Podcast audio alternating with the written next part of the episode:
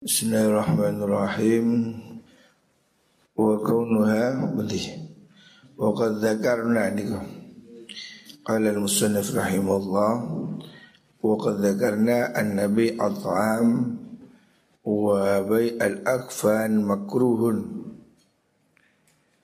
Wa qad dhakarna lan ustaman nuturakan ingsun An-nabi at-ta'ami situni atul panganan wa bai al akfani lan atul kain kafan. Iku makruhun dan makruhakan termasuk hukumnya makruh. Boleh ya tapi makruh.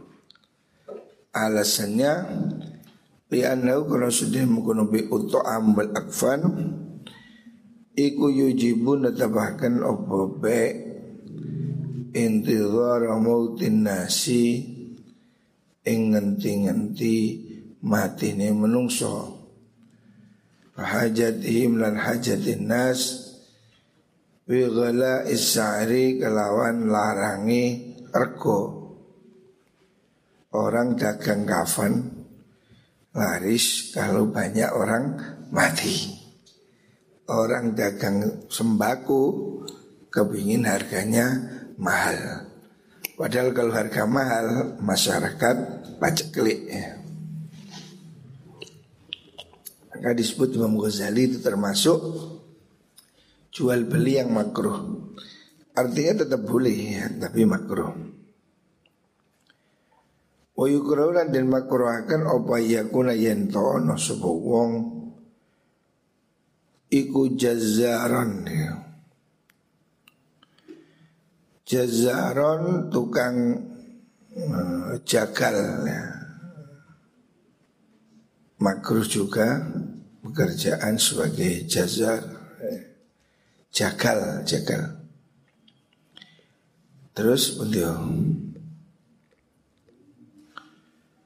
Lima krono perkoro Fihi kang tetep ing dalam jazar Min qasawatil qalbi Sangking atau seati. Kenapa ya? Mungkin dia melihat kematian sudah biasa. Kan tukang beleh, jagal. Wa yakuna lento ono sapa wong iku hujaman tukang cantuk, tukang ambil darah itu. Itu juga makruh. Au kanasan utawa tukang sampah, tukang ngambil apa itu namanya? Ya kotoran. Lima krono perkara fihi kang iku ing dalem ma min mukhamaratin najasi najasati nyatane saking nopo niku wau? Kubak najis. Karena pekerjaan berhubungan dengan sesuatu yang najis. Wa kadzalika kaya mungkunu-mungkunu jazar Ad-dabbahu utawi tukang nyamak, nyamak kulit. Wamalan perkoro fi maknahu dalam maknanya menggunakan dabbah. Ini termasuk di antara pekerjaan yang boleh, bukan tidak boleh. Boleh tapi menurut Imam Ghazali kurang bagus. Kurang kurang terhormat. Nah. Wa karyalan sengit sapa Muhammad bin Sirin ad-dallalah. Ing makelar. Dalalah itu tukang nawak no dagangan. Tukang ya apa ya dagangan perantara perdagangan.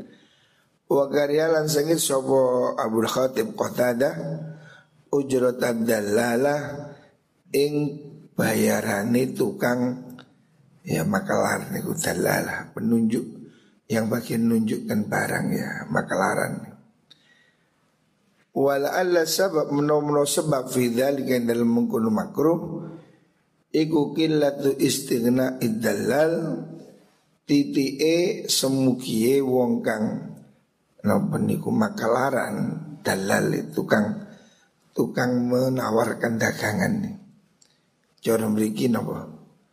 Yo makalar Mayok noni kilo Kilo kilo barang anu api ya, makelaran jasa niki ya perantara perdagangan itu Itu kenapa kok disebut makruh di sini? Alasannya sulit menghindari anil kidbi saking goro. Sebab makelaran itu sulit kalau nggak bohong. Ujar-ujaran nih wong belantik, tunggal belantik nih. Belantik makelar ya. Orang yang me, apa, menjualkan dagangan orang lain itu sulit sekali menghindari bohong. Ya, ya walaupun bisa, tentu saja bisa. Tapi biasanya ya biasanya ujar-ujaran wong belantik legak goro gak badi ya seperti itu. Makanya di situ makruh karena apa? Cenderung arahnya ke bohong. Wal ifratu lan bangetaken fisana ing dalam dalam ala silati ing atase dagangan litarwi jiha krono mayo akan sil'ah dan makelar belante ini kan berusaha keras supaya laku ya. sehingga kan dia terkadang bujui ngapusi wali annal amala lan krosu penggawean fiha ing dalam mengkuno dalalah iku la yutaqaddaru ora bisa den pasti. Kerjaannya kan gak jelas. Ukurannya. Wakat yakilu terkadang setiti apa amal. Wakat yaksuruan terkadang ake apa amal. Walayun daruran ora den tingali. Fi mitdaril ujrati ing dalam ukurane upah Wala imal alamalihi An ora maring penggaweane Mengkunu dalal niku Wal ila qadri kimatis saubi Balik maring kirane regane pakaian. Wahadi taikila mengkono mengkono ujra ya yuhadi ikwal adatu kebiasaan. Biasanya kan berdasarkan prosentase. Kerjanya nggak jelas, maka lari kan kadang gampang, kadang sulit. Nah itu di situ ah, menurut Imam Ghazali pekerjaan itu makruh. Wawo te mengkuno mengkuno amal iku zulmun zulim zalim zolim ada kezoliman karena tidak jelas jenis pekerjaannya. Bal yang bagi balik saya ucap apa yang zura yang tahu ningali sapa wong ila qadri ta'abi maring kira-kira ini kangelan. Harusnya menurut Imam Ghazali bayarannya belantik, makalar, perantara itu tidak boleh presentasi persentase. Tapi sebaiknya dengan sulit tidaknya pekerjaan. Kalau pekerjaan ringan ambil persen itu tidak layak Menurut Imam Ghazali. Wakariulan sengit sopa ulama Artinya ulama zaman dahulu juga tidak suka Syura al hayawani ing tuku hewan Hewan hidup Litijaroti maring dagangan Ulama dahulu ada yang tidak senang dagang hewan hidup, ya ayam, ya kambing yang masih hidup. Karena apa? Li andal mustari kono sugi wong kang tuku iku yakrahu sengit sapa mustari qada Allah ing pesteni Allah fihi ing dalam mengkono uh, siraul hayawan. Karena penjualnya ini seakan-akan tidak rela Karena ada yang mati. Nah kalau mati getun. Padahal mati itu sudah takdir Gusti Allah. Wawu temat maut. Nik wawu Qadha Allah Iku alladhi berkoro Wa kang utai mengkono mustari Iku bisodatu di Ing dalam benerane Alladhi La mahalata hali mesti Wa khuri kohlan tete akan lahu Kurno arai mengkono mustari Orang jual beli barang hewan hidup itu kan tidak seneng kalau ada yang mati. Padahal kematian itu ya ya takdir Gusti Allah. Tidak boleh dibenci. Ini menurut sebagian ulama. Artinya ya apakah nggak boleh? Ya boleh. Jual beli ikan, termasuk total ayam, lele, ya. jual hewan yang bernyawa. Menurut sebagian ulama itu makruh. Karena apa? Wong wedi mati tok iwake. Ngingu iwa wedi mati to. Ngingu ayam takut mati. Nah, takut mati ini nggak boleh. Wong mati wis takdiri Gusti Allah. Menurut Imam Ghazali demikian. Kila dan dawakan bi al hayawan. Bi adalah sirah al hayawan ing hayawan. Ada mengatakan makalah seperti ini. Bi adalah sira al hayawan ing hayawan wastar lan tuku sira al mautani ing nyawa luru. Jadi jual beli hewan itu belilah nyawanya dua double. Maksudnya seakan-akan mereka itu nggak rela kan kalau ada yang mati ya. Jual hewan yang bernyawa itu resikonya kan mati ya. Makanya ada ungkapan kalau beli hewan itu kamu belilah nyawanya rangkep dua gitu. Artinya seakan-akan ya coba sampai mati gitu kan. Sangat takut kalau ada yang mati. Padahal mati itu ya tidak boleh dibenci kan. Orang hidup ya pasti mati. Jenenge kewan yo yo no mati ini biasa. Nah itu kan risikonya tinggi tuh. Apalagi kalau hewan itu hewan yang mahal ya kayak burung. Burung aduan kan ada sampai 10 juta, 15 juta. Lek mati kan yo kelengar. Sing tuku kan yo pusing. Manuk penak-penak cemplang-cempling menisuk mati. Gelo gak karu-karuan. Lah menggeloi kematian ini nggak boleh gitu mati ya berarti takdire mati. Nah, makanya Imam Ghazali mengatakan termasuk jual beli yang tidak dianjurkan profesi menjadi pedagang hewan yang hidup. Ya. Karena kamu mesti takut ada yang mati. Nah, kalau nggak mau ya nyawon itu gua luru. Lalu mas tembut di ya mbu kau no. Itu kan cuma sindiran aja. Wa karawilan sengit sapa ulama asirfa ing jual beli uang itu uh, money changer itu tukar menukar emas kalau sekarang ya tukar menukar uang li anal ikhtiraza krosih ngrekso fi indal asyarfu andaka ikir riba saking piro-piro lembutih riba iku asirun repot sulit menghindari riba ya dalam jual beli yang di situ mata uang atau emas. Wali anaula karena mengkono sirfu niku iku talabun yubri lidaka iki sifati maring pira-pira lembuti sifat fima ing dalam perkara layuk sodu kang ora den sejo. Apa ayanuha pira-pira kahane sifat ya. Karena orang jual beli uang ya. Zaman dulu itu kan nyari yang utuh, nyari yang bening, yang bersih. Padahal kan nilainya sebetulnya sama. Tapi kan orang menghargainya tidak sama. Hari ini juga begitu dolar. Kamu kalau beli dolar harus bersih, rata, clean. Beda dengan rupiah. Rupiah masih kok untel-untel 10 ewu ya 10 ewu. Tapi kalau dolar itu kalau ada apa jenis lungset harganya lain. Dolar kok bulak didik harganya lain. Walau sing mulus sering. Padahal duit kan harusnya kan gak soal mulus-mulusan. Duit kok dihitung mulus sih. Nah ini kan golek celai wong.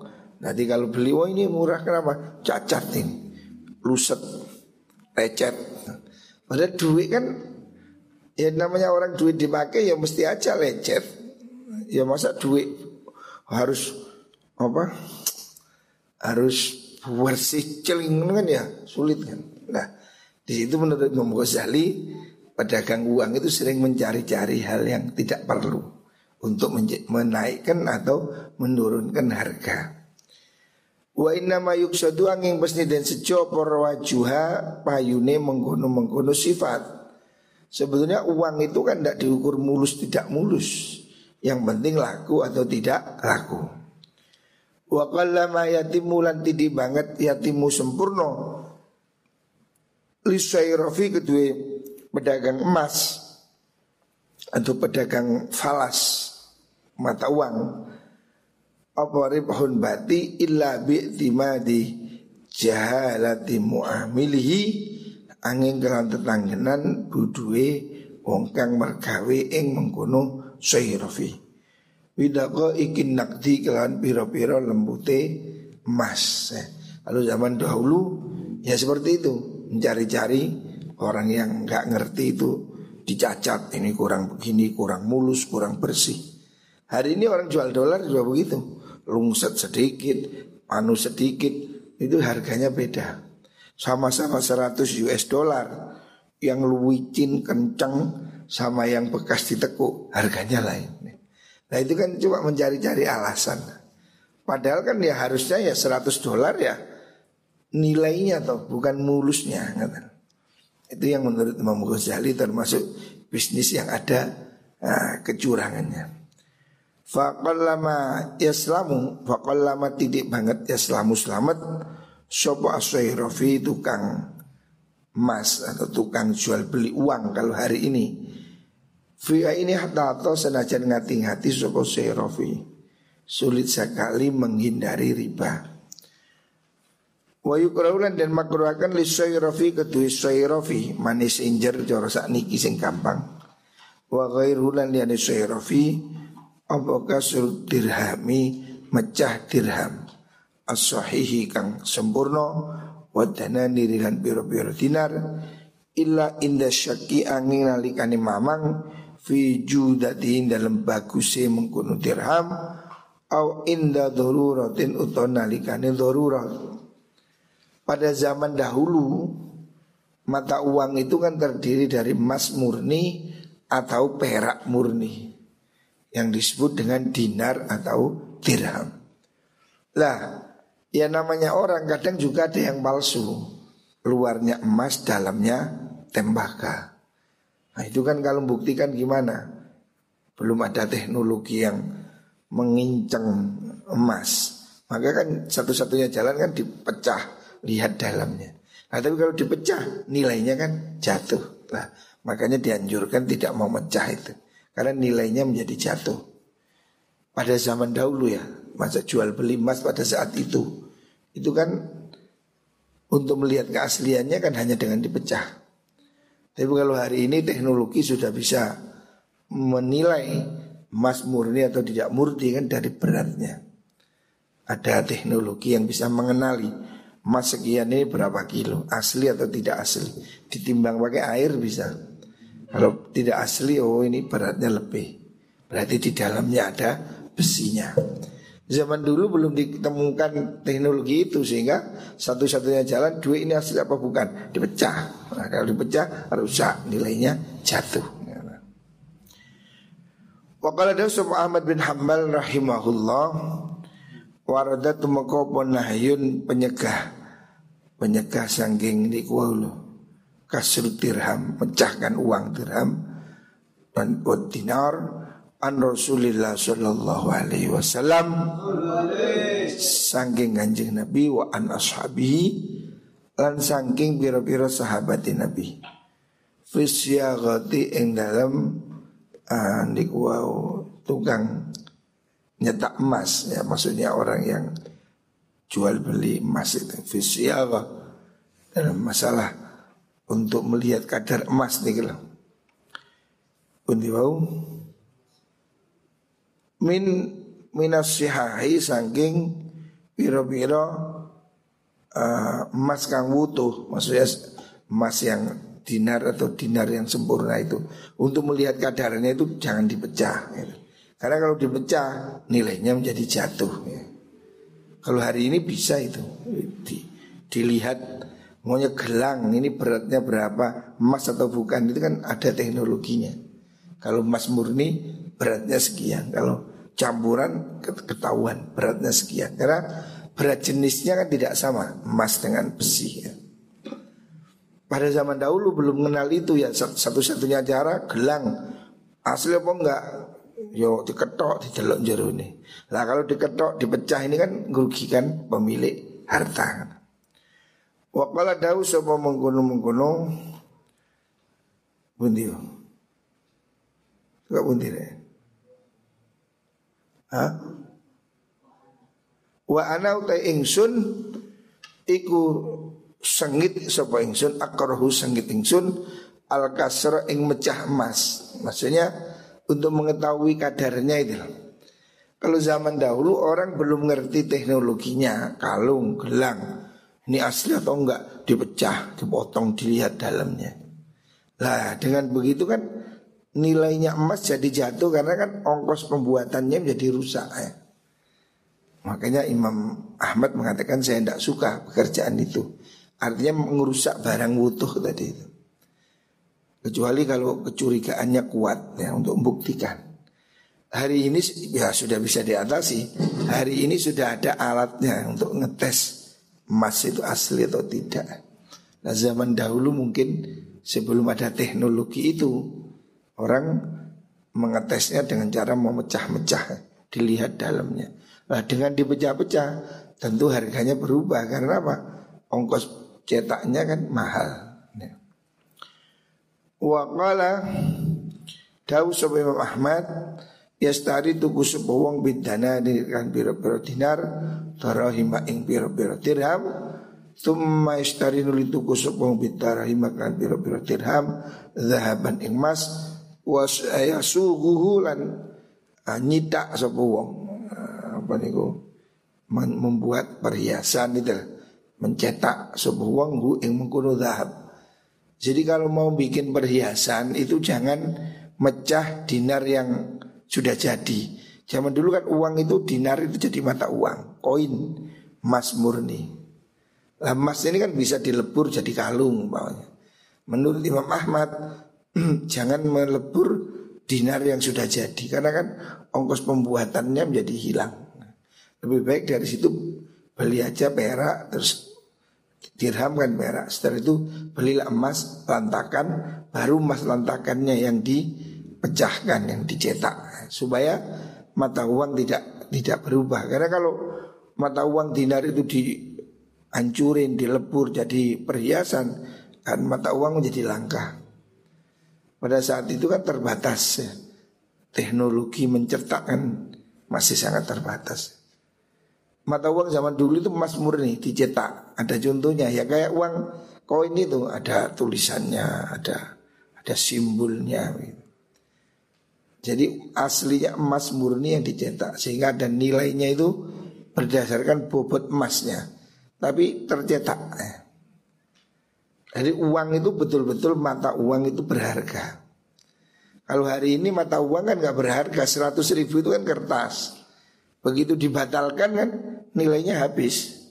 Uang 100 ribu tahun 2000 Hari ini tidak laku Dulu ya tahun 2000 uang 50 ribuan itu gambar Pak Harto mesem. Duit mesem Hari ini tidak laku ya kan? Karena apa? Sudah dibatalkan. Artinya uang itu sendiri tidak ada nilainya. Ditimbang nggak ada nilainya. Tapi kalau mata uang dinar, dirham tidak bisa dibatalkan. Dibatalkan pun dia tetap emas. Tidak berubah jadi kuningan. Makanya harta itu betul-betul real harta. Karena emas. Hari ini uang kita ini kan kertas Dan kertas itu ya Begitu dibatalkan selesai. Kita ini diakal Dijual sawah Dijual kertas. Kertas satu bu. Ini kertas ini kalau dibatalkan kan tidak ada nilai sama sekali. Jual mobil ditukar kertas. Ya akal-akalan Yahudi. Orang dibikinkan uang kertas. Padahal kertas itu sendiri kan harganya tidak sama kan? Duit satu sewu kalau dinilai kertasnya Harganya kan mungkin cuma lima ribu Atau nggak sampai. Tapi kita suruh mengakui ini uang seratus ribu. Buat tanah dapat satu meter. Lu satu meter real tanah. Dijoli kertas lembar abang. Ya apa lemah dijual kertas? Ya, Jual beli hari ini, ini sebetulnya ya Sudah ndak ndak ndak real. Karena harta ditukar dengan kertas. Kalau zaman dulu kan ditukar dengan emas Emas itu kan harta murni ya. Ndak bisa dibatalkan kan? Dipecah pun tetap emas. Dinar umpamanya koin dinar 10 gram. Dipecah pun jadi dua ya tetap emas 5 gram dan 5 gram. Dipecah dari papat ya 2 gram 2 gram. Tapi lihat duit satu sewu Ceketok dari lurus seret Saya ketemu Ya enggak, enggak payu karena ini bukan harta. Ya kan? Nah, ini akal-akalannya Yahudi modern uang disuruh beli dengan kertas. Kalau zaman dahulu mata uang ya emas atau perak, betul-betul harta. Hari ini kita ini dikadali oleh Bank Sentral Amerika kasih kertas lembar 100 US dollar. Harganya berapa? Sak juta petang atus. Enak men. Kertas sak lempir awet kau tuku sak juta petang atus. Padahal nilai kertas itu aslinya berapa sih? Ya mungkin lima ribu. Tapi kita suruh menghargainya karena warna ini gambare wong botak. Wah Amerika itu sindasi botak itu. Oh ini harganya 100 US satu juta setengah. Lo kita ini kan dikadali suruh beli kertas. Kita jual apa itu? Jual uh, gula satu ton dijual 10 lembar kertas. Lho ya apa? Iki gula tenanan yang buat gawe tebu setahun dijual mek kertas 10 lembar. Nah ini akal Yahudi. Ya kita juga tidak bisa lepas dari ini ya. Jadi hebatnya pemikiran orang Yahudi. Kita harta kita yang real ditukar dengan kertas. Dulu mereka beli tambang di Indonesia, beli kebun beribu-ribu hektar, Ya kata dua dia nyetak kertas. Iki kertas sak gebok ni satu juta dolar. Dia kau ngakon ini satu juta. Padahal ya satu juta lah jari ini deh. Jariku, ya kertas murgoni piro. Tapi kita ya kudu nerima. Ya inilah Mungkin negara maju bisa menjajah negara miskin. Duit kita dihancurkan. Dulu satu dolar Masa kecil saya 600 rupiah. Sampai 2000 rupiah Satu dolar. Hari ini satu dolar 14.600 rupiah. Bayangkan Duit kita tidak ada harganya Duit Amerika satu dolar 15 ribu Dibawa ke Indonesia Bisa beli pecel, sak kerupuk eh, sak teh lengkap Hanya dengan satu dolar Duit dewek Satu rupiah ke orang Amerika kalau apa-apa botol bekasnya gak dikasih. Botol itu gak dikasih. Oh ini gak adil ini ya. Dipikir-pikir ya. Amerika ya, repotnya.